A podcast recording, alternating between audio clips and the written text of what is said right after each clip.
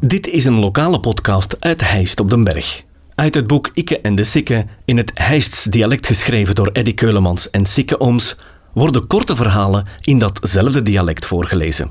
Dit vertelselke werd ingesproken door Eddy Keulemans.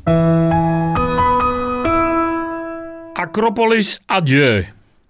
Mijn twee beste maten, en al van in de kleuterklas, dat zijn de Dixie en de Johnny. In de zomer van 1980 zijn we samen op reis geweest naar Rodos, want we gaan van iemand horen zeggen dat dat fantastische dansings waren. We gingen met ons dranen en we waren blij dat we van dat opdringerig gedoe van die hestse mesjes even vanaf konden zijn, want die liepen met tientallen constant achter ons gat. Ik zal voor alle veiligheid geen namen noemen, gelet op de wet op de privacy, want er zijn hoge boetes mee gemoeid. We sliepen in het chicste hotel van Rodos.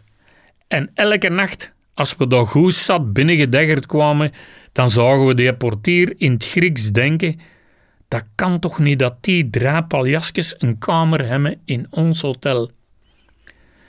Wel hebben dat toen 14 dagen gewallebakt en af en toe zijn we ook eens tot op het strand gerokt. Maar schoon leek is dieren niet lang en we moesten terug naar huis.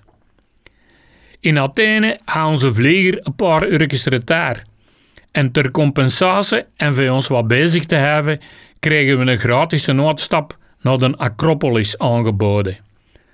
We stonden dus boven op die Acropolis wat foto's te pakken, toen dat we in ons een hoop lawaad hoorden.